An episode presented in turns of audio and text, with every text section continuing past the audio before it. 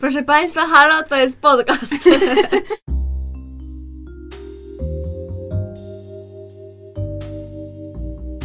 Witamy w bliskich spotkaniach szóstego stopnia. Podkaście o kulturze, ale głównie o zapomnianych, niezależnych i kultowych filmach. Justyna, Paulina oraz Gosia. Trzy obdarzone wybitnym poczuciem humoru kobiety, które połączyły studia kulturoznawcze oraz miłość do jednego mężczyzny, Kevina Bacona. Proszę nas nie pozywać, panie Kevinie, my tu tylko sprawdzamy teorię sześciu stopni. W pierwszym odcinku e, nowego trzeciego sezonu e, zaczynamy od filmu e, Zabójcze ciało, po angielsku Jennifer's Body, e, w reżyserii Karen Kusamy. E, I zaczynamy od tego filmu nie bez przyczyny, ponieważ w tym sezonie e, będziemy skupiać się na filmach reżyserowanych przez e, kobiety. I w naszym pierwszym spooky halloweenowym odcinku Zabójcze ciało horror. Gosia, nie bałaś się? Nie. O, Widzicie, I napisany również postęp. przez kobietę. Naprawdę. Tak, to będziemy też mówić, jaki growth w ogóle Gosia zrobiła. Od pierwszego odcinku podcastu, gdzie się bała. Po prostu... Ale no nie, no to... Ale no... ale też nie można powiedzieć, że to jest taki prawdziwy horror, więc... No, więc jakby... Ja tak tylko udaję, bo Midsommar, z Midsommar tak samo. W sumie to, to też nie jest prawdziwy horror, więc... No ale słuchajcie, jest postęp, także zauważmy, zauważmy dobrą zmianę. Jest taki charakter. Sorry. tak, a no po prostu będzie coraz lepiej. Jakie w ogóle wrażenia wstępne? Ja w sumie miałam takie zaskakująco dobre, w sensie, znaczy zaskakująco, może nie zaskakująco dobre, ale bardzo mi się przyjemnie oglądało ten film. I jakoś tak um, od początku zostałam wciągnięta jakby w ten, w ten świat i bardzo doceniam, um, bardzo doceniam żarty słowne, które się tam pojawiły. Oj, tak. Bo, bo to naprawdę złoto. Um, no i tak, z pierwszych wrażeń to, to, to, to tyle. A, przepraszam, nie, nie, jeszcze jedno. W ogóle muzyka i stylóweczki. No wprawdzie, prawda, to są już troszkę takie lata Wczesne, późne. Wczesne, późne, właśnie 2000, ale kaszkiety nadal królujące. No. Tak, no te biodrówki to, to jest to. Mhm. Jak gdzieś widziałam jakiś artykuł, że podobno mają wracać biodrówki, ale nie wyrażam zgody na to. Nie, nie ja, też. też nie. Absolutnie. Mm, nie wiem, do czego zmierza.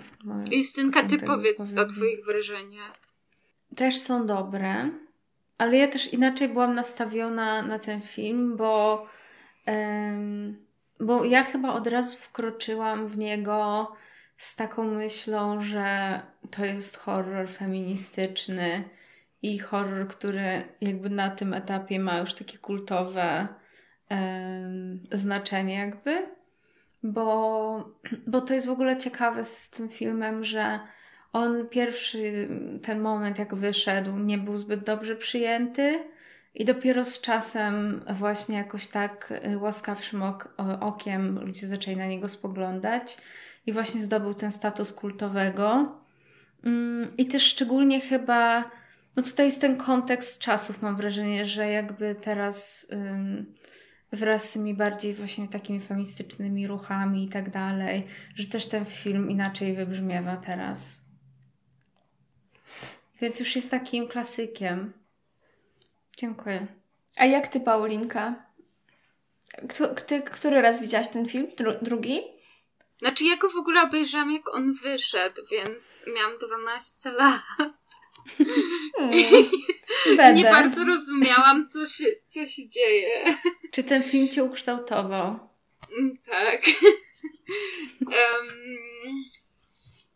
I no wtedy jakby w ogóle nie czaiłam o co chodzi, więc tak wspominałam go średnio, ale właśnie jak się zbierałyśmy, znaczy w ogóle jakoś tak rok temu, mam wrażenie, że też właśnie w związku z tą popularnością mitu i tak dalej, jakby mm. ten film w ogóle znowu zaczął robić, um, jak to się mówi, że być właśnie roz, rozpoznawalny i rozmawiany o nim i tak dalej, i tak dalej. Więc właśnie też jak teraz wczoraj siadałam do obejrzenia tego filmu, też miałam zupełnie inne nastawienie. I, I w ogóle w sensie dla mnie jakby ten film sam w sobie jest super, ale też jakby cała jego właśnie to, na czy, o, o czym napomknęła się Stynka, że jakby właśnie to, co jakby się stało mu te 11 lat temu, to, to jest też ciekawa historia i w ogóle też ta e, klątwa Megan Fox, więc no, więc ja, ja jestem bardzo na tak. Ja mogę się tutaj teraz wciąć i trochę skupić na właśnie kobietach stojących za tym filmem, czyli na wspomnianej już e, reżyserce e, Karen Kosamie i scenarzystce Diablo Cody. Zaczynając od reżyserki, mm, ona też dużo jakby działa tak telewizyjnie, ale pierwszym takim filmem było w, 2000 rok, w, roku 2000 e, Zbuntowana, Girl Fight e, z Michelle Rodriguez. Myślę, że niektórzy mogą kojarzyć ten film, bo to jest w ogóle pierwsza e, rola e, tej aktorki. Mm, Więc to jest taki całkiem znaczący projekt. Potem w 2005 roku był film Aeon Flux, nie wiem czy dobrze to wymawiam, z Charlize Theron. Em, Taki science fiction, ale chyba o takim średnim, wydaje mi się, followingu, jeżeli o to chodzi. Mm, W 2015 roku film Zaproszenie, The Invitation. To jest chyba na Netflixie, albo przynajmniej było do niedawna. Mm, No i potem Karen sama tak działała telewizyjnie, mm, y, tam reżyserując pojedyncze odcinki jakichś seriali i dwa lata temu zrobiła film z Nicole Kidman, e, Destroyer, Niszczycielka. Nie wiem, czy go widziałyście? Czuję, że jakbym zobaczyła plakat, to by mi się to skojarzyło. Mhm. To, bo to w tym sezonie nagród jakoś tak głośniej było o tym filmie. Ale myślę, że w ogóle jeszcze ciekawszym przypadkiem jest Diablo Cody, bo ja mam wrażenie, że to jest jednak w gruncie rzeczy taka dosyć kontrowersyjna osoba. Nie wiem, czy mam rację, czy nie w tym, ale ona tak... Wydaje za- mi się, że ona no. jest kontrowersyjna w takim jakby ujęciu właśnie takiego Hollywood, które teraz chyba już trochę się starzeje. Mhm. Właśnie tego jakby producenckiego Hollywood, bo tak sama w sobie to nie wydaje się bardzo Nie, nie. e, No. kontrowersyjna. Ale właśnie to też jest kwestia tego, że ona ma bardzo taki e, specyficzny jakby styl. Wydaje mi się, że po prostu nie każdemu może podejść jakby ten humor i tak dalej. Bo i takim dużym debiutem była Juno e, w 2007 roku też. Mm, I ona zdobyła Oscara za najlepszy scenariusz. Mm, Później odpowiedzialna była za serial e, Wszystkie wcielenia Tary. W 2011 roku zrobiła film, który ja akurat bardzo lubię i kazałam go się go obejrzeć, czyli Young Adult, Kobieta na skraju dojrzałości z Charlize Theron. Mm, Potwierdzam, obejrzałam. tak. I co też ciekawe, ona zaliczyła swój debiut reżyserski e, filmem e, Rye Paradise z Julian Huff w 2013 roku, ale ten film nie został dobrze przyjęty i w ogóle mam wrażenie, że jest totalnie zapomniany. Mm, I z takich niedawnych projektów to było e, Ricky and the Flash z Meryl Streep, po polsku z bardzo, bardzo basicowym tytułem Nigdy nie jest za późno. W ogóle wiecie co? Ja tutaj e, się wetnę z anegdotką, Mhm. znaczy nie z anegdotką, tylko właśnie z e, wtrąceniem, że to są takie film, to są takie typy tytułów, które mi się mega, zawsze wszystkie filmy z takiego, z tego typu tytułów mi się mylą. Ale totalnie. Bo e, jak się nazywa ten film z... Lepiej późno niż później. Um, a z kim to jest film? Z Jackiem Nicholsonem. Tak, tak, tak, tak, dokładnie o ten film mi chodzi. I masakra jakaś. No. To są takie e, komedie romantyczne dla osób w średnim wieku. No, nawet takich, takich plus No. nawet. Średni wiek plus. E, I w 2018 roku, słuchajcie, był film Tali. E, też Charlize Theron. No, a teraz w ogóle widziałam, że ona jest e, zaangażowana w dwa takie projekty. Mm, jeden to jest film o Madonnie, który ma powstać. E, I film o atomówkach. No proszę. A, A czy wy w ogóle była na- Bali? Gosia. Co, co Gosia powiedziała? Nie, lepiej, żebyś tego nie słyszała. Zapytam się, em, czy Tali była na Bali? Ja Okej. słuchajcie, chciałam spytać, czy wy y, oglądałyście ten, tą rozmowę między Megan Fox a właśnie Diablo Cody, y, która rok temu była. W ogóle wstawię może na y, fanpage'a y, to, bo właśnie rok temu e, był taki. Jak to się nazywa, że. Znaczy, to były tylko one dwie, ale właśnie Taki e, round re- tak, Mhm. tak, takie reunited i one właśnie rozmawiały w ogóle. No jakby nawet nie o samym filmie, tylko jakby o wszystkim, co się wokół niego działo. I ktoś w komentarzach dobrze podsumował, że to dwie kobiety rozmawiające o swojej traumie związanej z Hollywood. Mhm. E, I właśnie przed, przed nagraniem sobie to obejrzałam. I polecam bardzo, bo tam właśnie na przykład Cody, e, znaczy Diablo Cody mówi, że, e, że jakby tą klęskę Jennifer's Body odczuła też na takim personalnym em, poziomie, że musiała chodzić na terapię. Mhm.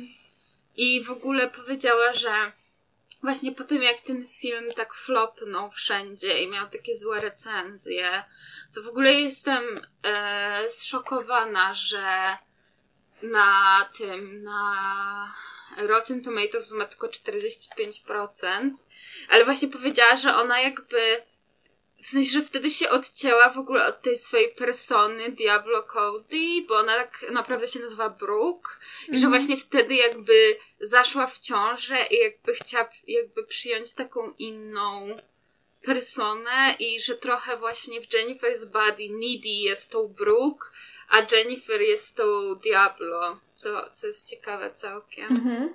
Ale w ogóle też mi się wydaje, że mm, a propos w ogóle takich tematów traumy i tak dalej, że to też gdzieś zawsze jest temat jakby filmów, które ona pisze, że one przede wszystkim zawsze są o kobietach, które właśnie, czy dziewczynach, które, które właśnie muszą z czymś się zmierzyć. Tak, w ogóle też, bo ja w ogóle komentarze na YouTubie czasem naprawdę przynoszą wiele mądrości i ktoś napisał, że w ogóle ten film jakby tak utarł ścieżkę filmom o traumach kobiet, na przykład tak jak Babadook, albo Us, albo Midsommar, bo jakby, no tak naprawdę Jennifer's Body jest o jakby tro, trochę jakby w sensie o takiej zemście po gwałcie, jakby tak na to Mhm. spojrzeć. I to jest coś, czego ja na przykład nie złapałam, jak miałam 12 lat, ale teraz to jest takie wręcz obso- e, oczywiste, więc właśnie mi się ten, ten komentarz bardzo wydaje trafny, że, że ten film jakby, no, otworzył trochę właśnie tą ścieżkę i był też jakby, jak to się mówi, że przed swoimi czasami. I że też właśnie w ramach tego mitu, no i właśnie w tym 2019 roku, jak, jak zaczęło chyba znowu to Jennifer's Body być takie popularne, to właśnie się tak wstrzeliło w, w mitu, ale też chyba w ogóle to, co jakby marketingowo się stało z tym filmem, to już jest taka aż legenda Hollywood. Tak, no właśnie ja chciałam też o tym wspomnieć, że, że też właśnie gdzieś widziałam, że nie wiem, czy to właśnie też nie była Diablo Cody, która zwróciła uwagę na to, że dużym problemem było to, że oni ten film po prostu reklamowali Megan Fox i że bardziej kierowali to właśnie do nastolatków, młodych chłopaków i tak dalej, gdzie jakby to nie jest taki film. Mhm. Właśnie e, jakby tam o- one w tej rozmowie rozmawiały o tym, jak były to takie, nie pamiętam jak to się nazywa, ale że takie przedpremierowe oglądanie z, wido, e, z widownią Mhm. Żeby to jakby...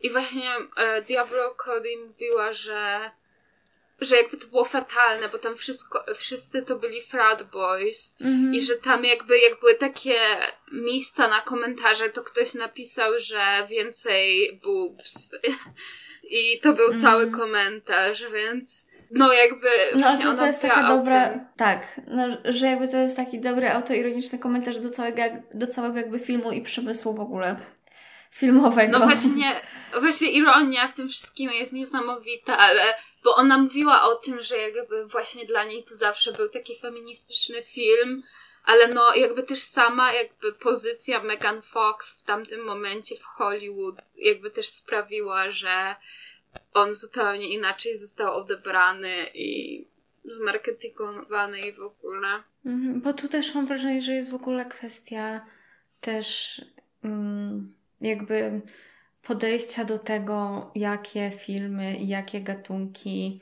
jakiej wydo- widowni się podrzuca i do, do jakiej widowni się reklamuje, bo też wiem, że przy okazji Wonder Woman też Patty Jenkins tam nieco o tym mówiła, właśnie o marketingu filmów superbohaterskich, że jakby przez długi czas jakby tak myślało się o przede wszystkim, że wiecie, że dla nastolatków, jak takich nerdów i tak dalej, nie? Mhm. Ale znaczy też w ogóle wydaje mi się, że, że kiedyś jakby myślano, że dla kobiet są komedie romantyczne i że jakby i że to był w sensie, że jak o tym pomyśleć, to tak naprawdę żaden film jakby o innej tematyce jakoś niespecjalnie był myślany, żeby był dla kobiet, a teraz no jakby, tak jak na przykład spoiler alert w naszym następnym odcinku, jak będziemy rozmawiać o Booksmart, to jakby to już jest zupełnie inaczej, jakby targetem są kobiety, ale w zupełnie jakby inny sposób, że właśnie to jest o przyjaźni kobiecej i jakby też właśnie o byciu smart i tak dalej. No a kiedyś to było zupełnie coś innego. To mi się też w ogóle kojarzy, bo chyba my kiedyś o tym rozmawiałyśmy między sobą. Em, jakby kto był pierwszym, e, pierwszym jakby adresatem książek właśnie w ogóle takich przygodowych i tak dalej. Że, że No właśnie i ja- jakby takim... To chyba ty mówiłaś, nie Paulinka, że... Znaczy, bo takim... wiem na pewno, że właśnie było takie Adventure for Boys. Jakby. Tak, A, my to tak. przy okazji She jakoś miałyśmy tą dyskusję. A, tak, tak, tak, tak, tak. No właśnie. I, i, i że jakby tym takim, e, tym takim odbiorcą jakby pod, em, nie podświadomym, tylko mm, tym zakładanym odbiorcą właśnie byli, byli chłopcy i, i- i jakby wszystko, jakby też ten cały świat tak był też tak kreowany i tak dalej, i tak dalej. Więc, e, no więc chciałam tylko to, to dodać, że, że Mhm. jakby to się wszystko wpisuje. To według mnie jest dobry przykład na to, jak właśnie na przykład mizoginia albo rasizm, że to jest takie jakby tak głęboko zakorzenione, że Mhm. właśnie, że można jakby to y, zaobserwować jakby tak dawno temu, jak to jeszcze było w jakimś XIX wieku, czy coś w tym stylu. I że jakby to jest też takie nieuświadomione, nie? W sensie, że czy, czy było, czy że, że jakby to jest takie mm, jako pewna norma.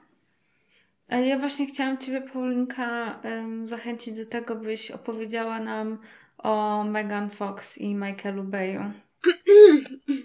Przepraszam. Tutaj musiało być ziemanko, bo nie mogę być zbyt profesjonalna. E, tak, więc dla mnie w ogóle Megan Fox jest fascynującą postacią. I o, zwłaszcza, że ona jakoś w tym roku je, zrobiła jakby taki powrót, bo ona zaczęła się spotykać z Machine Gun Kelly i była w jego teledysku My Bloody Valentine. Ja w ogóle mam straszną słabość do Machine Gun Kelly'ego, chociaż nie przypadam z jego muzyką, ale uważam, że jest strasznie przystojny, ale to jest zupełnie inna rozmowa. No i w każdym razie jakoś właśnie po tym ona teraz mam wrażenie, że tak bardziej powróciła.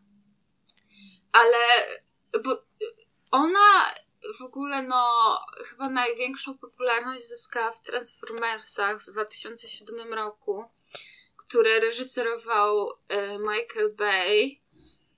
I no ten film jakby jest słynna scena, kiedy jej postać Michaela się pochyla nad otwartą maską samochodu i jakby kamera no traktuje jej ciało e, bardzo Przedmiotowo. tak, w sensie to już nawet to jest Hashtag male gaze. Mhm. Znaczy to jest na tak, takim poziomie, że jakby to już nawet nie jest, że trudno w ogóle jakby to porównać do takich typowych właśnie male gaze'owych em, kadrów i tak dalej.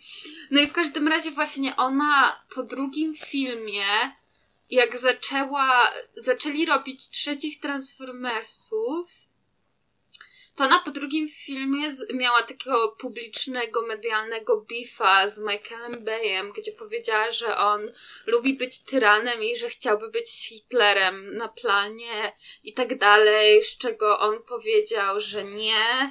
I ktoś tam potem jakiś e, asystent napisał list, że Megan jest e, e, tyranem na planie i Michael Bay temu zaprzeczył i w ogóle jakiś... No i w każdym razie jakby ta cała drama się skończyła tak, że ją wywalili z tej franczyzy. Eee, ale bo to też jakby się wiąże, że jakby Megan Fox, ona od początku swojej kariery kreowała bardzo jakby specyficzny medialny wizerunek. Ja właśnie dzisiaj o tym czytałam. Jak ona sama o tym mówiła, że że jakby że, że, że ona często mówiła takie rzeczy, które były uważane za takie edgy i ogólnie otwarcie mówiła o tym, że jest biseksualna, co wtedy wiecie było. Znaczy wciąż jest traktowana Mhm. jako taka po prostu fantazja mężczyzn, a nie jakby Ja tożsamość. trochę myślę o Amber Heard teraz. Mhm. Mam wrażenie, że to jest bardzo podobny przypadek. Ja to ja nawet nie wiem za bardzo z Amber Heard, No ona też właśnie jest biseksualna i mam wrażenie, że często ona też jest uznawana za taką edgy, jak mówisz. No, znaczy, bo y, Megan Fox też jakby specjalnie, w sensie, że jakby, że dużo rzeczy przez to, że ona jakby ma taką bardzo specy... no, nawet nie specyficzną, ale że po prostu ma taką uniwersalną urodę, to jakby od początku była seksualizowana, więc tak naprawdę no jakby nie miała trochę szansy jak uciec od tego wizerunku, więc go podbijała często. Ale też ona mówiła o tym, że chciała udowodnić, że jakby, że, że może być dobrą aktorką i wciąż jakby właśnie i że może być inteligentną osobą, mimo że jakby wszyscy widzą w niej tylko obiekt i tak dalej, i tak dalej. Więc trochę to jakby też była kwestia po prostu tego, jak ją media przedstawiały, jak ona kreowała swój wizerunek. No i ona w końcu powiedziała jakby też ostatnio z Michaelem Bayem, że tam w którymś momencie się pojawiły stare nagrania, jak ona tam mówi u Jimmy'ego Kimmela, że właśnie Michael Bay ją tak seksualizował i tak dalej. Ona tam powiedziała, że to nie, nie tak i że... Więc ogólnie jakby z tego, co ona mówi, to nawet nie Michael Bay był jakby taką osobą, która trochę w Hollywood ją zniszczyła, ale że producenci e, i właśnie i cały ten właściwie to Hollywood właśnie takie za kulisów ją zniszczyło i ona powiedziała, że Ja właśnie widziałam gdzieś taki nagłówek, em, coś w stylu, że właśnie Hollywood i też my chyba trochę właśnie zawiedliśmy Megan Fox bardzo wszyscy i to jest... W sensie, bo. On, a, i ona w ogóle w tej rozmowie z, mm, z Diablo Cody powiedziała, że ona się identyfikuje jako feministka, ale że przez długi czas uważała, że w feminizmie jakby nikt jej nie chce, bo jakby prze, Mhm. przez to, że przez ten jej fizyczny wygląd jakby często nie była traktowana poważnie nawet wśród tych... No i wydaje mi się, że to jest taki dość jakby legitny, nie zarzut, ale po prostu jakby problem w feminizmie, jakby ta jego inkluzywność też na kobiety, które są po prostu atrakcyjne i pożądane i są jakoś tam e, uprzedmiotawiane. To myślę, na że przykład- znowu jest kazus Wonder Woman. Mhm. Tak. E, no i w każdym razie jeszcze chciałam tylko, bo już gadam po prostu od pół godziny, chciałam tylko jeszcze powiedzieć, Ale że bardzo ona mądrze. że ona powiedziała, że właśnie w tym filmie, jak e, jest ta scena jakby porwania jej i poświęcenia jej, że ona właśnie czuła, że to, to byli ci producenci, że ona była poświęcona jakby na rzecz filmu i że mimo, że mówiła, że jakby, że, że jej się nie podoba to, jak jest na przykład w mediach przedstawiana, albo właśnie jak w Transformersach, to, że oni jakby ją poświęcali dla tej e, publiczności i że właśnie w pewien sposób, jak ona nagrywała to Jennifer's Body, to właśnie to samo działo się w jej życiu. Ja właśnie też sobie teraz tak, e, tak e, myślę o tym, mm, w ogóle jakby o, o czymś takim, że jakby zarabianie na przykład z ról, które nie są, e, które właśnie są też na przykład seksualizowane albo są jakby niefeministyczne i tak dalej, i tak dalej. I jakby to, to nie jest zdanie twierdzące, tylko bardziej jakby pytanie i zastanawianie się nad tym, że jakby jak... E, że z jednej strony jakby aktorstwo to jakby też jest jakby praca, nie? Z Mhm. której jakby e, chcesz mieć pieniądze i tak dalej, musisz się utrzymać, bla bla bla. Mm, I z drugiej strony to jest właśnie jakby możliwość też kształtowania swojej kariery, gdy już masz tą pozycję, gdy już masz pozycję, gdy już masz pieniądze i na przykład możesz, nie wiem, wybierać sobie rolę i jakby kształtować też swój wizerunek, nie? Że mi się wydaje, że właśnie tutaj w kontekście Megan Fox, znaczy ja też y, nie wiem dokładnie jak to się rozkładało jakby czasowo w jej, w jej karierze wszystko, ale w każdym razie, że, że właśnie też jest ten ciekawy moment, jeszcze to były lata jakby mm, to, to były jakby lata wcześniejsze, więc jakby ta sytuacja też taka, jakby powiedzmy, ym, socjopolityczna była też inna w ogóle na świecie, trochę. E, ale chodzi mi o to, że, mm, że właśnie ciekawy jest ten moment, w którym chcesz jakby wejść tam do Hollywood i, i nie wiem, mieć jakąś pozycję i po prostu nawet pozycję w takim sensie finansowym i jakby, że trzeba to jakoś zrobić. I jakby teraz jak jakby jakimi środkami, nie? Znaczy to chyba jest taka kwestia właśnie takiej marki kulturowej, w sensie jakby nie, nie uważam, że to, że ona jakby właśnie podbijała tą swoją edginess i seksualność jakby jest czymś, co jakby, co, co jakby usprawiedliwia to, jak była traktowana, bo jakby no Mhm. No tak, tak, oczywiście. i jakby teraz właśnie zupełnie inaczej na to patrzymy niż kiedyś. I ja mam wrażenie, że ona była jedną z ostatnich ak- znaczy, jakby wciąż seksizm i te wszystkie sprawy, o których rozmawiamy, są w Hollywood jakby problemem, ale no zdecydowanie jest jakby większa samoświadomość i jest zmiana myślenia o tym, ale ja mam wrażenie, że ona była, jakby ona była jeszcze z tego pokolenia aktorek, które właśnie jakby głównie przez swoją atrakcyjność były postrzegane, bo teraz jakby Mhm. no aktorki takie jak właśnie Saoirse Ronan czy Jennifer Lawrence, w sensie gdzieś tam też oczywiście siebie kreują i tak dalej, ale że zdecydowanie jakby mam wrażenie, że Megan Fox jakby za wcześnie na swoje w sensie, że kiedy ona akurat wchodziła do tego biznesu i stała się gwiazdą, to to już było takie jedna, jedna z ostatnich aktorek, która została aż tak koszmarnie potraktowana przez Hollywood. Wiadomo, że to wciąż się dzieje, ale jakby no u niej to było takie, że autentycznie jej kariera się skończyła. W sensie nie, nie jestem w No tak, i że została taka. jakiś film z nią potem kojarzyła. Pamiętam, że się w serialu New Girl pojawiła. Tak, i też mi się właśnie wydaje, że, że przez to jakby też mm, to jej traktowanie jest takie nie serio, nie? W sensie, że, że nie traktuje się jej. Znaczy to pewnie już padło tutaj, ale że jakby nie, nie traktuje, nie traktuje, nie traktowało się jej jakby jakoś tak poważnie i pod względem właśnie też e, umiejętności i tak dalej, tylko, tylko przez ten pryzmat fizyczny stricte. No ja w ogóle doskonale pamiętam ten moment e, właśnie takiego przełomu 2007-2008 roku, bo ja wtedy e, bardzo lubiłam film o Transformersach i przez to Ja bardzo również. lubiłam Megan Fox. E, Tak, pamiętam, że bar- bardzo byłam wielką jej fanką. Jedna też w tym czasie mm, grała w, te, w teledysku Eminema i Riany. Nie wiem, czy to pamiętacie. E, Love the way you lie. O! Dobre zaskoczenie. E, I ja pamiętam, że wtedy y, też czytałam o niej właśnie, że ona jakoś w tym momencie, bo ten teledysk dotyka tematu przemocy domowej i że ona też wsparła wtedy jakby właśnie ofiary przemocy domowej. Mm, I, I rzeczywiście no, był taki dyskurs wokół niej właśnie, że ona jest taka ładna, ale nic, nic więcej, gdzie, gdzie no, nie jest to prawda, w ogóle jest to krzywdzące i no...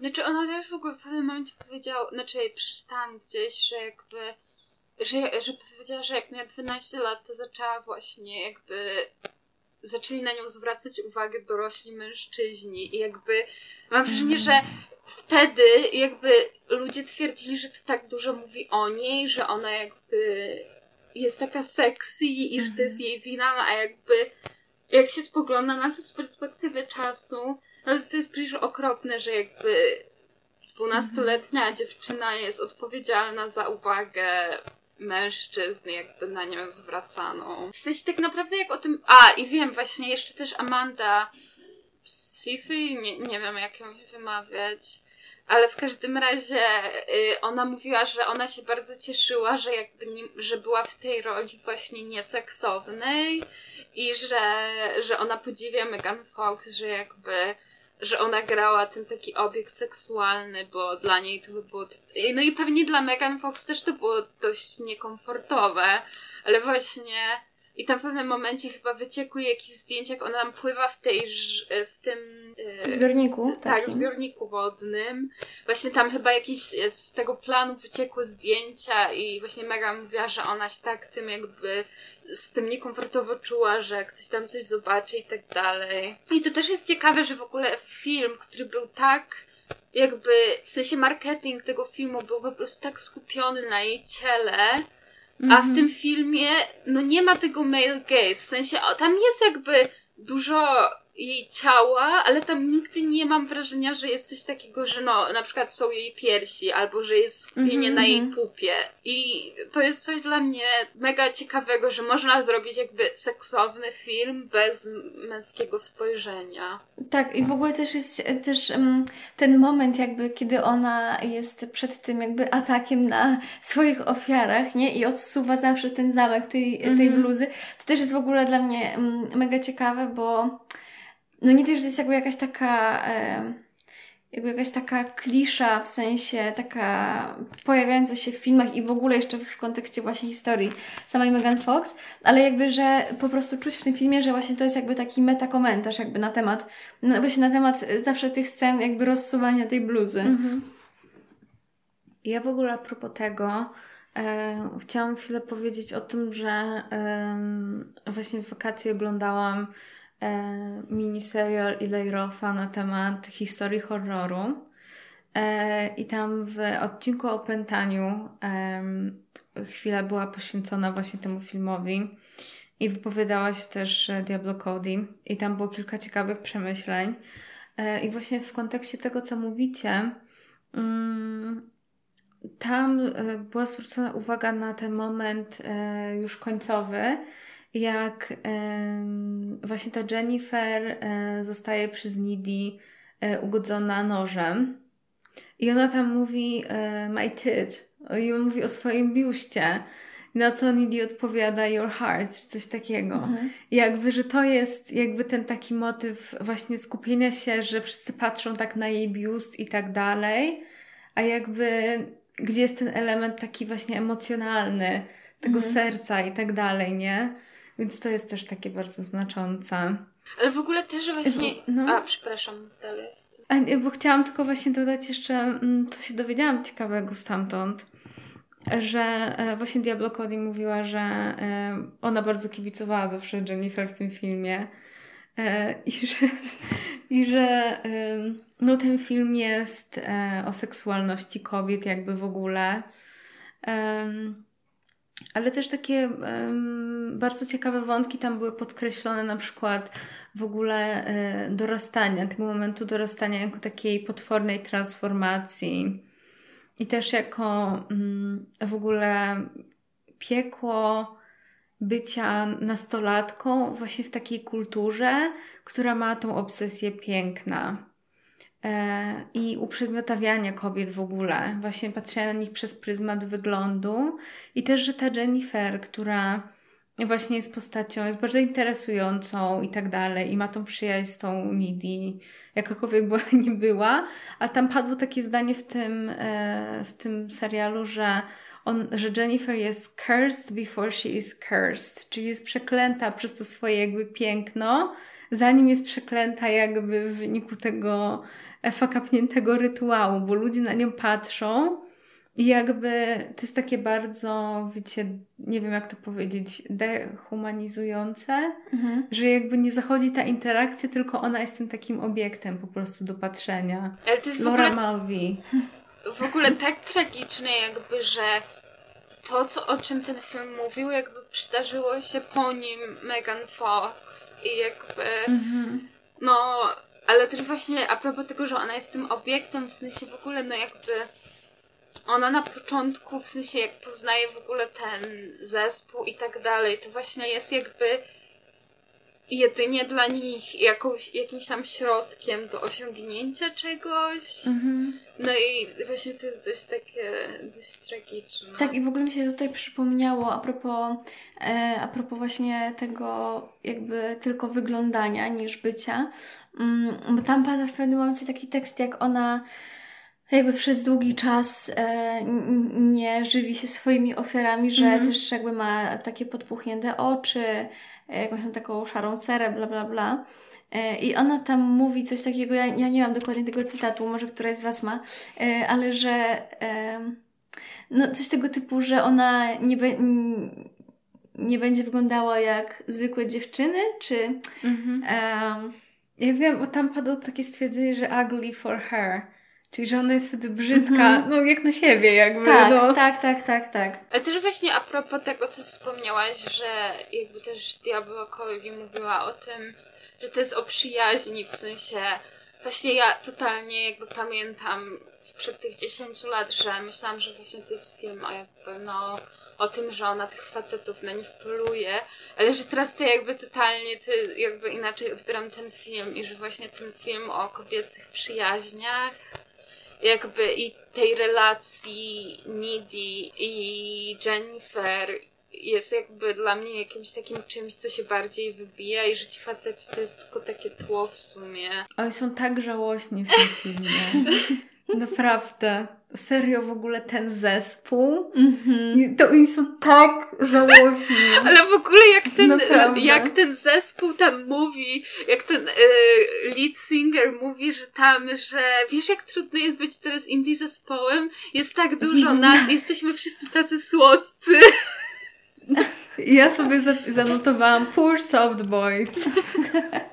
Ale w ogóle to jest ikoniczne, jak tam na napisach końcowych jakby są tylko zdjęcia po jakby ich morderstwie. No i że tak naprawdę Needy musi zamordować Jennifer, ale że potem jakby i tak dokańcza trochę, czy kontynuuje jej dzieło demoniczne. Dzieło. Mhm. No. A swoją drogą też było ciekawe doświadczenie oglądać to z Joshem. E, bo on na początku w ogóle nie czaił, że to jest ironiczne. Jakby, że ten, jakby, i on mówił takie, bo ja się cały czas tam śmiałam na tym. On mówił, że to taki cringe, a ja, że no, ale jakby to, to jest ironiczne, to ma być właśnie te żarty i te różne takie teksty Jennifer, które są po prostu jak z fine, jakby Final Girls w horrorach, no to ja właśnie mówię, że no to ma być takie. A potem jeszcze jak on mówi, bo tam potem ten chłopak Needy Chip, jak on zostaje porwany, to też miał taki, Boże, żeby on tylko nie umarł, a ja sobie tylko myślę, żeby Jennifer nie umarł. Co nie? Ale w ogóle ja chciałam poruszyć jeszcze temat a propos właśnie tych żałosnych chłopców. W ogóle ta scena e, seksu Nidi i Chipa, jak e, ona krzyczy, bo jest przerażona, Tak. a on myśli, że tak super idzie. Ale właśnie, ja, No. ja, ale ja jeszcze wczoraj pamiętam, że właśnie jak Josh coś tam mówisz, no Chip jest jakby jedynym good guy w tym filmie, ale takie, na ta scena seksu, on, no ale jak się już zorientował, to tam było mu przykro, a ja tylko sobie myślę, boż, z kim ja siedzę, gdzie moje dziewczynki są, żebym z nimi obejrzała. Ale w ogóle właśnie, że ta postać Kevina, tak? On się Kevin nazywał. Mm, Ten... em, Kevin Bacon? A to nie Colin? To też? Colin, ten... A może? Tak, jakby ten taki emo. Tak, trochę? chyba Colin. Mhm. A to No Colin. tak, Colin chyba. No. Gosia, tak, no, ktoś to- ci tam to- tylko jedna osoba w głowie siedzi. E, nie, że właśnie to, to w ogóle to jest świetny jakby taki mechanizm tego, że, że, że wydaje mi się, że często jest coś takiego, jak to powiedzieć, że w przypadku na przykład męskich postaci, chociaż może to i działa w drugą stronę, ale na razie powiem o co mi Mhm. chodzi, że jakby e, jest taka, e, wydaje mi się, że to jest takie kulturowo jakby zakodowanie wytłumaczenia sobie, ale przecież on jest dobry, więc jakby dlaczego ma się mu coś stać, nie? W sensie, Mhm. że em, jest, takie, jest taka właśnie próba jakby wytłuma- wytłumaczenia sobie. I jakby myślę, że może to działać też w drugą stronę, w sensie jeśli chodzi o kobiety, ale właśnie wydaje mi się, że tym bardziej jakby jest to ciekawe w przypadku tym takim odwróconym, Mhm. kiedy jakby to e, no właśnie się dzieje jakby w drugą stronę. Ja też myślałam właśnie o całym takim subwersywnym wymiarze tego filmu, że normalnie jak sobie tak pomyśli człowiek o takim zwykłym horrorze, to jakby kobiety, młode dziewczyny zawsze są ofiarami mordercy. I to ta zawsze- dziewica Tak, i... i to, i to ciało kobiet w ogóle jest taki. Zresztą jest ciekawy film właśnie, który porusza e, jakby fabularny, który porusza jakby podobne tematy, które ja widziałam chyba na Nowych Horyzontach. Nazywa się Knives and Skin i też właśnie dotyczy jakby właśnie ciała dziewczyny, jakby ciała ofiary.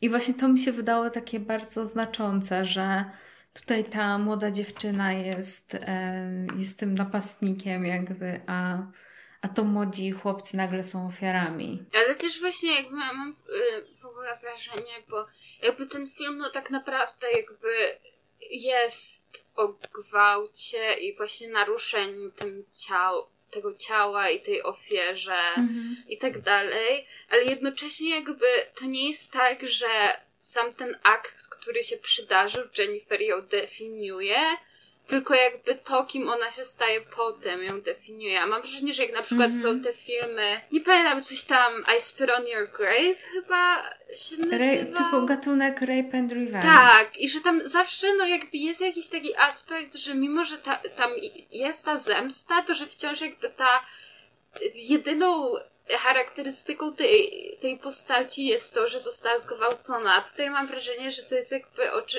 jakby, że to nie jest o samym akcie, który jej się przydarzył, tylko o tym, co się dzieje po tym akcie. Mhm. I że, ty, że, że właśnie to nie jest do końca takie revenge porn, tylko że jakby to jest jakby opowieść właśnie o tej Jennifer, która przy okazji Tak, w zjada jakby sama, tak, i że jakby sama w Details. sobie i że sama w sobie ona jakby się nie zmienia, nie? I, i jakby cały czas jest tą samą osobą. Nie chciałam tylko zwrócić uwagę na y, hack J.K. Simonsa. Jezus, też sobie to zapisałam, że J.K. Simmons ma włosy, ale nie ma ręki. No coś za coś, okej?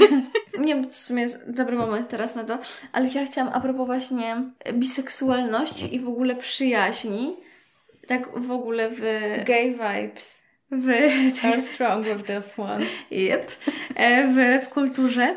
I w ogóle mistycyzm mm, popkulturowy jakiś czas temu pisał jakby e, takie ciekawe pewne, jakby takie ciekawe zestawienie, w sensie, że no właśnie to też jest kwestia jakby tego takiego male gaze jakby w ogóle w kulturze patriarchalnej i że jakby mm, że w ogóle też kobiece jakby relacje są akceptowane Mhm, e, mhm. bardziej przez jakby mężczyzn i tak dalej. Wie- Wiecie o co mi chodzi? W sensie, tak, że tak, wiem, no bo też są też tak czytałam. fetyszyzowane Mhm. i tak dalej.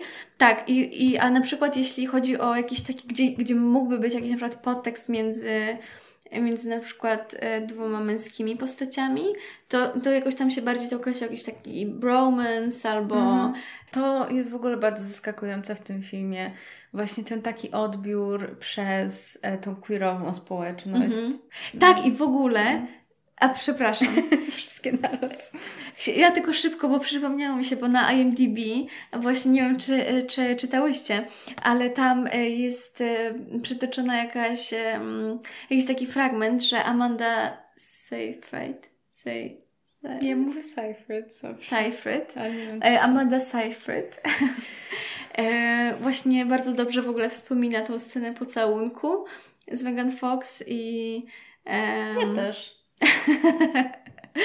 tak, i w ogóle, że to była jakby jedna chyba w ogóle z jej lepszych jakichkolwiek scen e, pocałunku i że, mm, że miały właśnie też jakby taki sam feeling i jakby w ogóle taki sam e, jakiś, nie wiem, tempo i w ogóle vibe. Ale właśnie też mogę sobie wyobrazić, że w ogóle w kontekście, bo ja często się zastanawiam nad tym, ja w sensie, zwłaszcza teraz jak jest więcej popularnych kobiet, reżyserek, w sensie jak na przykład są jakieś zdjęcia z planów, na przykład jakiejś Emmy, albo Wonder Woman, albo jak reżyseruje Greta Gerwig i że jakby, że tam zawsze jak reżyseruje kobieta, to jest jakiś szacunek i jest takie bardzo jakby otwarte i, i miłe towarzystwo, a no jakby na przykład u, u mężczyzn A Michael Bay? Michael Bay, no to jest bully. W ogóle ten, który ciągle tam tą e, nieszczęsną Amy Adams atakuje, ten reżyser. Mm, No, że jakby... Boże, David O. y, Russell. Tak, że to jest ciekawe, jaka jest różnica. Ale ja właśnie też po Mhm. tym filmie, ale w ogóle też po tym, co się stało, jakby y, w ogóle z tą całą jakby ekipą, to mam taki szacunek nowo znaleziony do Megan Fox, że no ona jest ikoną. Ja, ja zawsze to mówiłam. Już to mówiłam. Od gimnazjum. No, ale powiem Wam, że dla mnie też jest to super fascynujące właśnie w tym filmie, że dla mnie super jest w ogóle przedstawiona ta ich przyjaźń, bo ona jest bardzo skomplikowana i one mają bardzo skomplikowaną relację. I to jest takie całkiem prawdziwe właśnie. Właśnie dla mnie to jest tak życiowe, nie- jak mm, zawsze jak byłam mhm. młodsza i jakby, No. że, że gdzieś jakby w tych przyjaźniach kobiecych często jakby i też mam wrażenie, że to jest trochę jakby naturalne, że jest jakaś taka, że one są inne niż męskie przyjaźnie i że zawsze jest tam jakiś taki Właśnie jak tam w pewnym momencie, e, jak ta Jennifer tam lewituje nad, nad tą wodą i Chip mówi, czy ona lata, a właśnie, a, a e, Needy mówi, że ona tylko lewituje, tam nie przesadzaj, ona nie jest taka super. A właśnie, a Jennifer tam wtedy mówi, że ty zawsze mi umniejszasz moje jakby dokonania i tak dalej. I to jakoś tak, nie wiem nawet dlaczego, ale po prostu tak mi to jakoś poczułam to na głębokim poziomie. Mhm. Tak, i w ogóle też są ciekawe te flashbacki takie, nie? Z ich dzieciństwa. Czy właśnie jak one są w tej e, piwnicy, piwnicy chciałam powiedzieć, e, piaskownicy. I, I w ogóle jak e, chociażby mm, jak chociażby Jennifer się tam kaleczyła czymś i tak dalej, nie? I, Mhm. i, em, i e, jak to się, jak powiedzieć, jakby no, nie, że oblizuje ją, ją tą, tą jej ranę, ale, jakby no, tak, tak się robi. wsysa. No. Wsysa jej krew. Nie no, ale wiecie o co chodzi. Em, i, I też właśnie na takim w sumie poziomie cielesnym to jest ciekawe. Mhm. Że jakby też wydaje mi się, że w ogóle w y, kobiece przyjaźni jest wpisana też jakaś taka bliskość w ogóle, taka też cielesna. Mhm. Tak, że, bo właśnie też przez to, że społeczeństwo o wiele bardziej jakby patrzy takim Przychylnym okiem. przychylnie właśnie na jakby relacje kobiece niż męskie, to że tam jakoś to jest bardziej akceptowalne. Ale swoją drogą też jakby, bo tam jakby no jest jakby duża sugestia, że, że jakby ta przyjaźń między Jennifer i Needy nie jest do końca taka równościowa, ale jakby ja mam wrażenie, że tam też widać, że Jennifer naprawdę zależy na Needy. I dla mnie właśnie to jak, że, że Needy musi zabić Jennifer, ale że potem jakby wykańcza tych kolesi, którzy ją poświęcili. I w ogóle to jakoś, dla mnie to jest właśnie taka, takie coś, co ja czuję wewnętrznie, że no jakby jasne, że dziewczyny tak jak każdy się kłócą i czasem o durne sprawy i czasem o chłopców, ale jakby to nie zmienia faktu, że zawsze jakby dla siebie będą tam wsparciem i że koniec końców się zemszczą. No i że jest jakaś taka solidarność, taka em, w domyśle. No. Ale, bo chciałaś coś powiedzieć? Y, w sensie, Nie. Bo tak nie chciałam Ci wejść słowo, albo tak... no, Nie, nie ważne. Oj, przepraszam.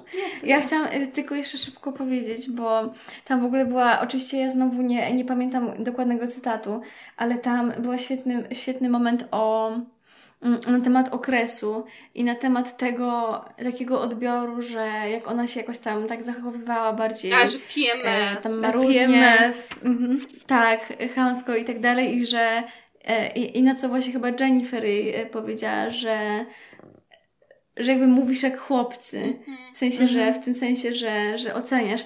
I w ogóle to jest dla mnie super ciekawe, jakby jak, jak jakby jak w kulturze w ogóle to zachowanie takie okresowe w cudzysłowie jakby jest Mhm. odbierane i że z jednej strony właśnie, że nawet się mówi tak, że zachowujesz się jakbyś miała okres. Mhm. I że jakby to jest w tym coś negatywnego, y, a no jakby nie powinno być, bo no jakby na to nie ma wpływu Mhm. autentycznie. A też z drugiej strony, ym, a też z drugiej strony, nawet jeśli jest jakby jakieś takie powiedzmy zrozumienie, to to i tak jest ym, definiowane przez to, że się ma okres. Wiecie o co mi Tak, chodzi? w sensie że... ja na przykład często mówię ludziom, że jakby, że moje uczucia są wzmocnione, kiedy mam okres, ale to nie sprawia, że one nie są ważne. W sensie, że to nie jest tak, że one tylko są przez ten okres, ale że ogólnie mam te uczucia, tylko że są wzmocnione przez okres na przykład. A jakby mam wrażenie, że często się patrzy na to, że ona ma tylko okres, albo że ona jest crazy i tak dalej. A bo właśnie um, pomówiłyśmy w ogóle, że cały ten film trochę właśnie tak jak jego tytuł, no właśnie dotyczy tematu tego ciała i w ogóle cielesności, em, no i ten okres i tak dalej, ale jakby ja też sobie zanotowałam a propos w ogóle pojmowania dziewictwa w kulturze. I Tego mitu całego. tak, tak, bo jakby virginity is a social construct, jakby wiadomo. E, I, I to jakby, że ten zespół potrzebuje tej dziewicy i że to jest tak bardzo jakby ważny element i musi być ważnym elementem tej Jennifer i Ale właśnie też jakby, no to jest jakieś, to Jennifer... jest ciekawe. W sensie, ja mam wrażenie, że jak oglądałam ten film x lat temu, to że dla mnie właśnie to było takie, o Boże, że ona lubi seks, nie? I że to jest takie, dziewczyny nie powinny lubić Mhm. seksu. A jakby teraz zupełnie inaczej, też mam wrażenie, że kulturowo się, znaczy może nie, wiadomo, nie wszędzie i nie, nie żyjemy w idealnym świecie, ale że no jakby inaczej się patrzy właśnie na kobiecą seksualność i potrzeby. Kropka.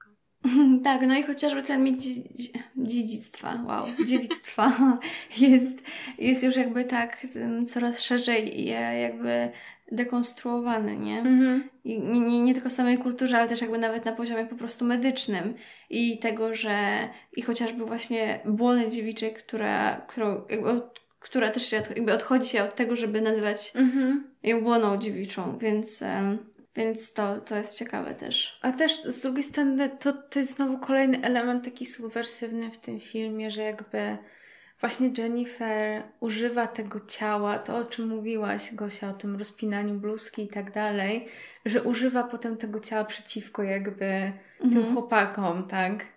Tak, no właśnie, wie, jakby wiedząc, jakby Mhm. co się za tym, jakie mechanizmy się za tym kryją. Ale ona też nawet w barze mówi do Nidi, że jakby, że tak łapie ją za piersi i ma takie, że to jest twoja moc i że jakby jeśli wycelujesz Mhm. je w odpowiednim kierunku, to jakby możesz rządzić chłopakami i to jest prawdziwe.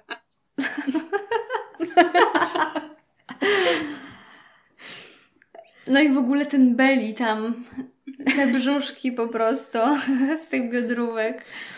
Ale wiecie co? Ym, ja chciałabym dodać element humorystyczny, przerwnikowy i chciałam powiedzieć, że ja nie, nie znoszę Adama Lewina i jego głosu.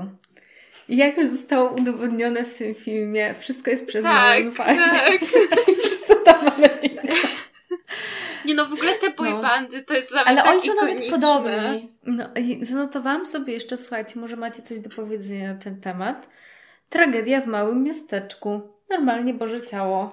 A a propos tego, słuchajcie, ja na, e, oglądając to, na początku miałam tak silne vibe Twin Peaks i w ogóle Mhm. tego, i też szczególnie po, po tej... e, po tym, po tej masakrze jakby w tym barze, nie? I jakby Mhm. te wszystkie takie udzielające się e, w całej szkole, to takie, to taka żałoba, Mhm. to stawianie tych portretów i tak dalej. Jak wiadomo, to nie tylko w Twin Peaks było, ale y, bardzo takie silne właśnie, no takie silne jakby powiązania z, z tym. No takiej tragedii, która wstrząs, jakby taka wstrząsa. Ale jednocześnie, że jakby. Jennifer też tam trochę jakby przyczuje taką prawdę, że to jest przecież takie shithole to miasto i że ogólnie Mhm. to i jakby to w ogóle całe to jak ten, ten zespół popularnością wzrasta po tym i w ogóle, że oni tam Mhm. poświęcali swoje życie, a tylko porwali nastolatkę z baru, to jest I can. Ale ja też chciałam tak humorystycznie, że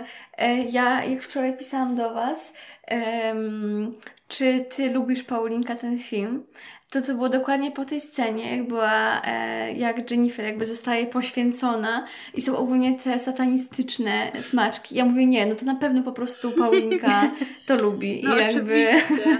to jest ten content. Ja w ogóle jeszcze a propos tragedii e, i właśnie mm, roz, rosnącej popularności po niej, e, chciałam się odwołać do filmu Vox Lux, ale nie widziałyście Ale ja go. pamiętam jak mi mówiłeś. Więc- No, więc chciałabym się tutaj tak zahaczyć o niego, ale nie będę rozwijać tej myśli, bo może nie wszyscy widzieli. Ale ja jestem Ale jak ciekawa. chce po, mimo, podyskutować, to zapraszam prywatnie.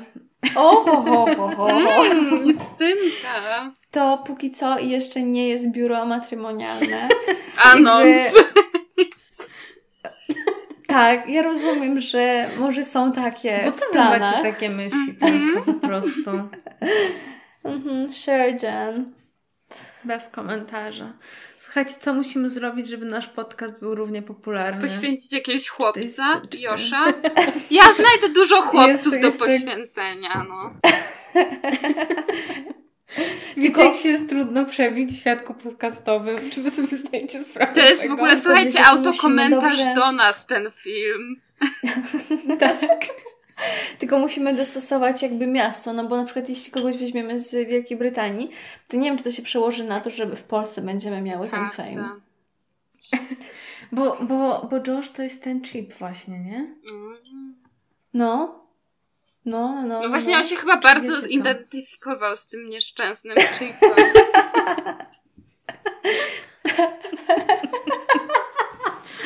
Paulinka, Okej. będziesz musiała go ratować, koniec, no. Ale no mam nadzieję, że uda mi się go uratować. Nie to co tego.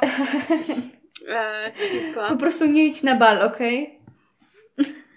A ogólnie właśnie jak jesteśmy też w tematach śmieszkowych, to ja sobie zapisałam różne kwestie śmieszne z tego O, filmu. Z Haną, I z Haną o Hanie Montanie? Nie zapisałam, bo to twoja działka A, była. dobra, to zaraz Bo ty się znajdę. śmiałeś z Hany Montany.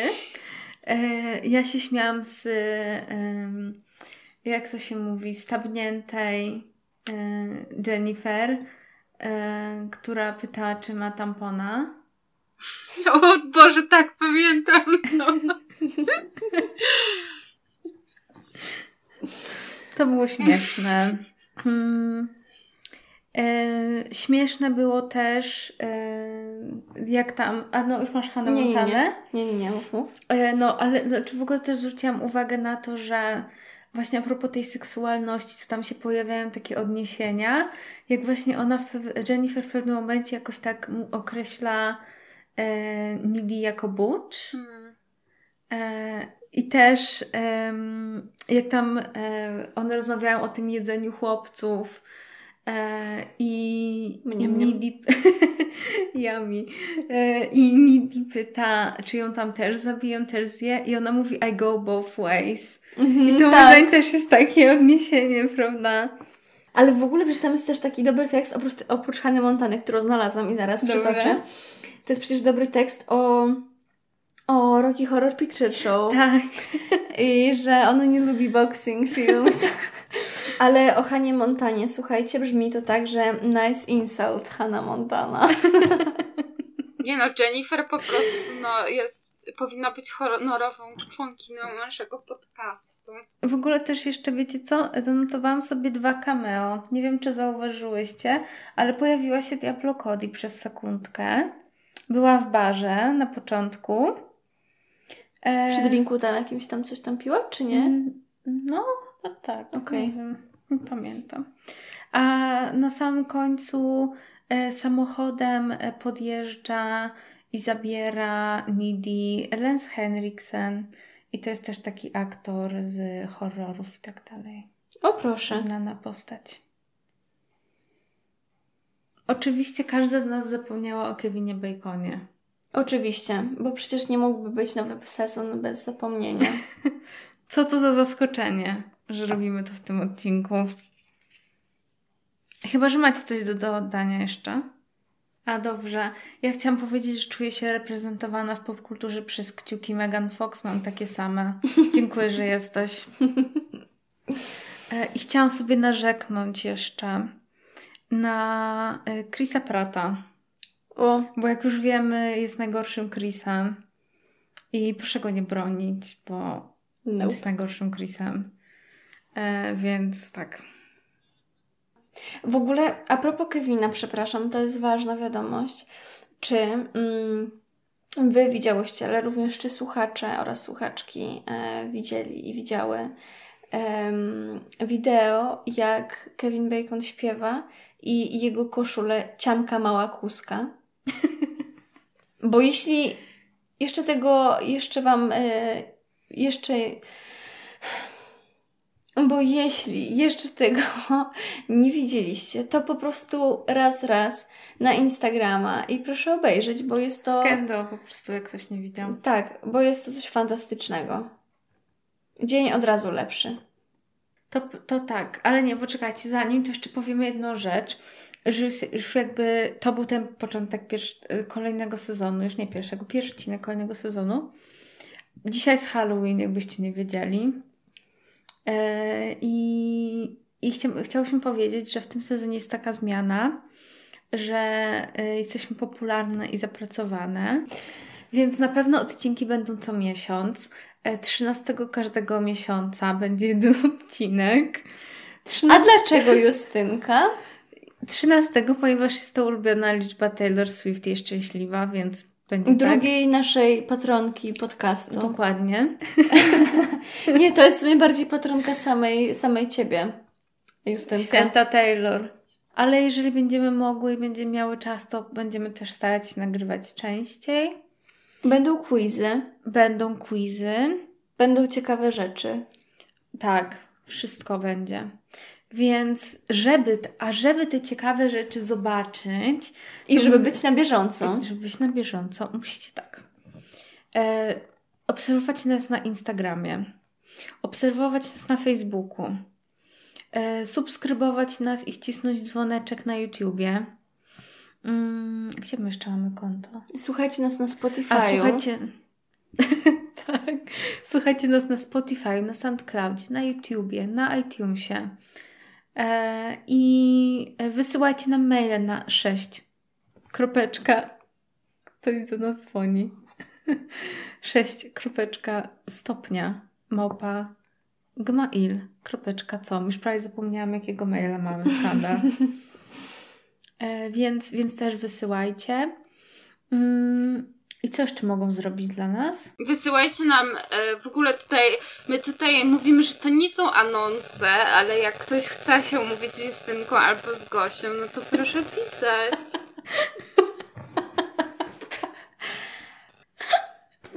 Nie odniesiemy się do tego po prostu. Zachowamy wymowną ciszę.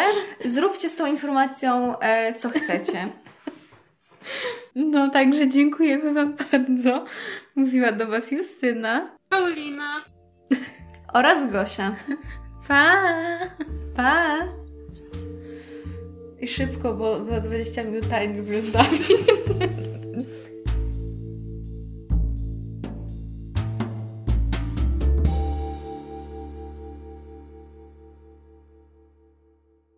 Ja w ogóle chciałam powiedzieć, że ja już wcześniej mówiłam o tym, żeby zrobić ten film, ale nie chciałyście. A ja w ogóle tego nie pamiętam. Ja Mhm. też. No jasno. Paulinka, pamiętam, że nie chciałaś, nie kłam. Nie pamiętam tego. Proszę się skontaktować z moim agentem. Nie będę Brytyjskim agentem. pytania. Już Paulinka ma kontakty teraz zagraniczne Tak, z. Gajem Z. Gajem Ritchie. Dobra, ale to są dużo żarty, którego, których nikt oprócz nas nie rozumie, więc musimy... No, Ale no to Rozumiem. typowe, no. Nowe sezon To jest nasz brand. No, to też prawda. Chcemy być bardziej jakościowe, ale po prostu nasze, em, nasze mało profesjonalne podejście i żarty to jest nasza jakość. Part of our DNA.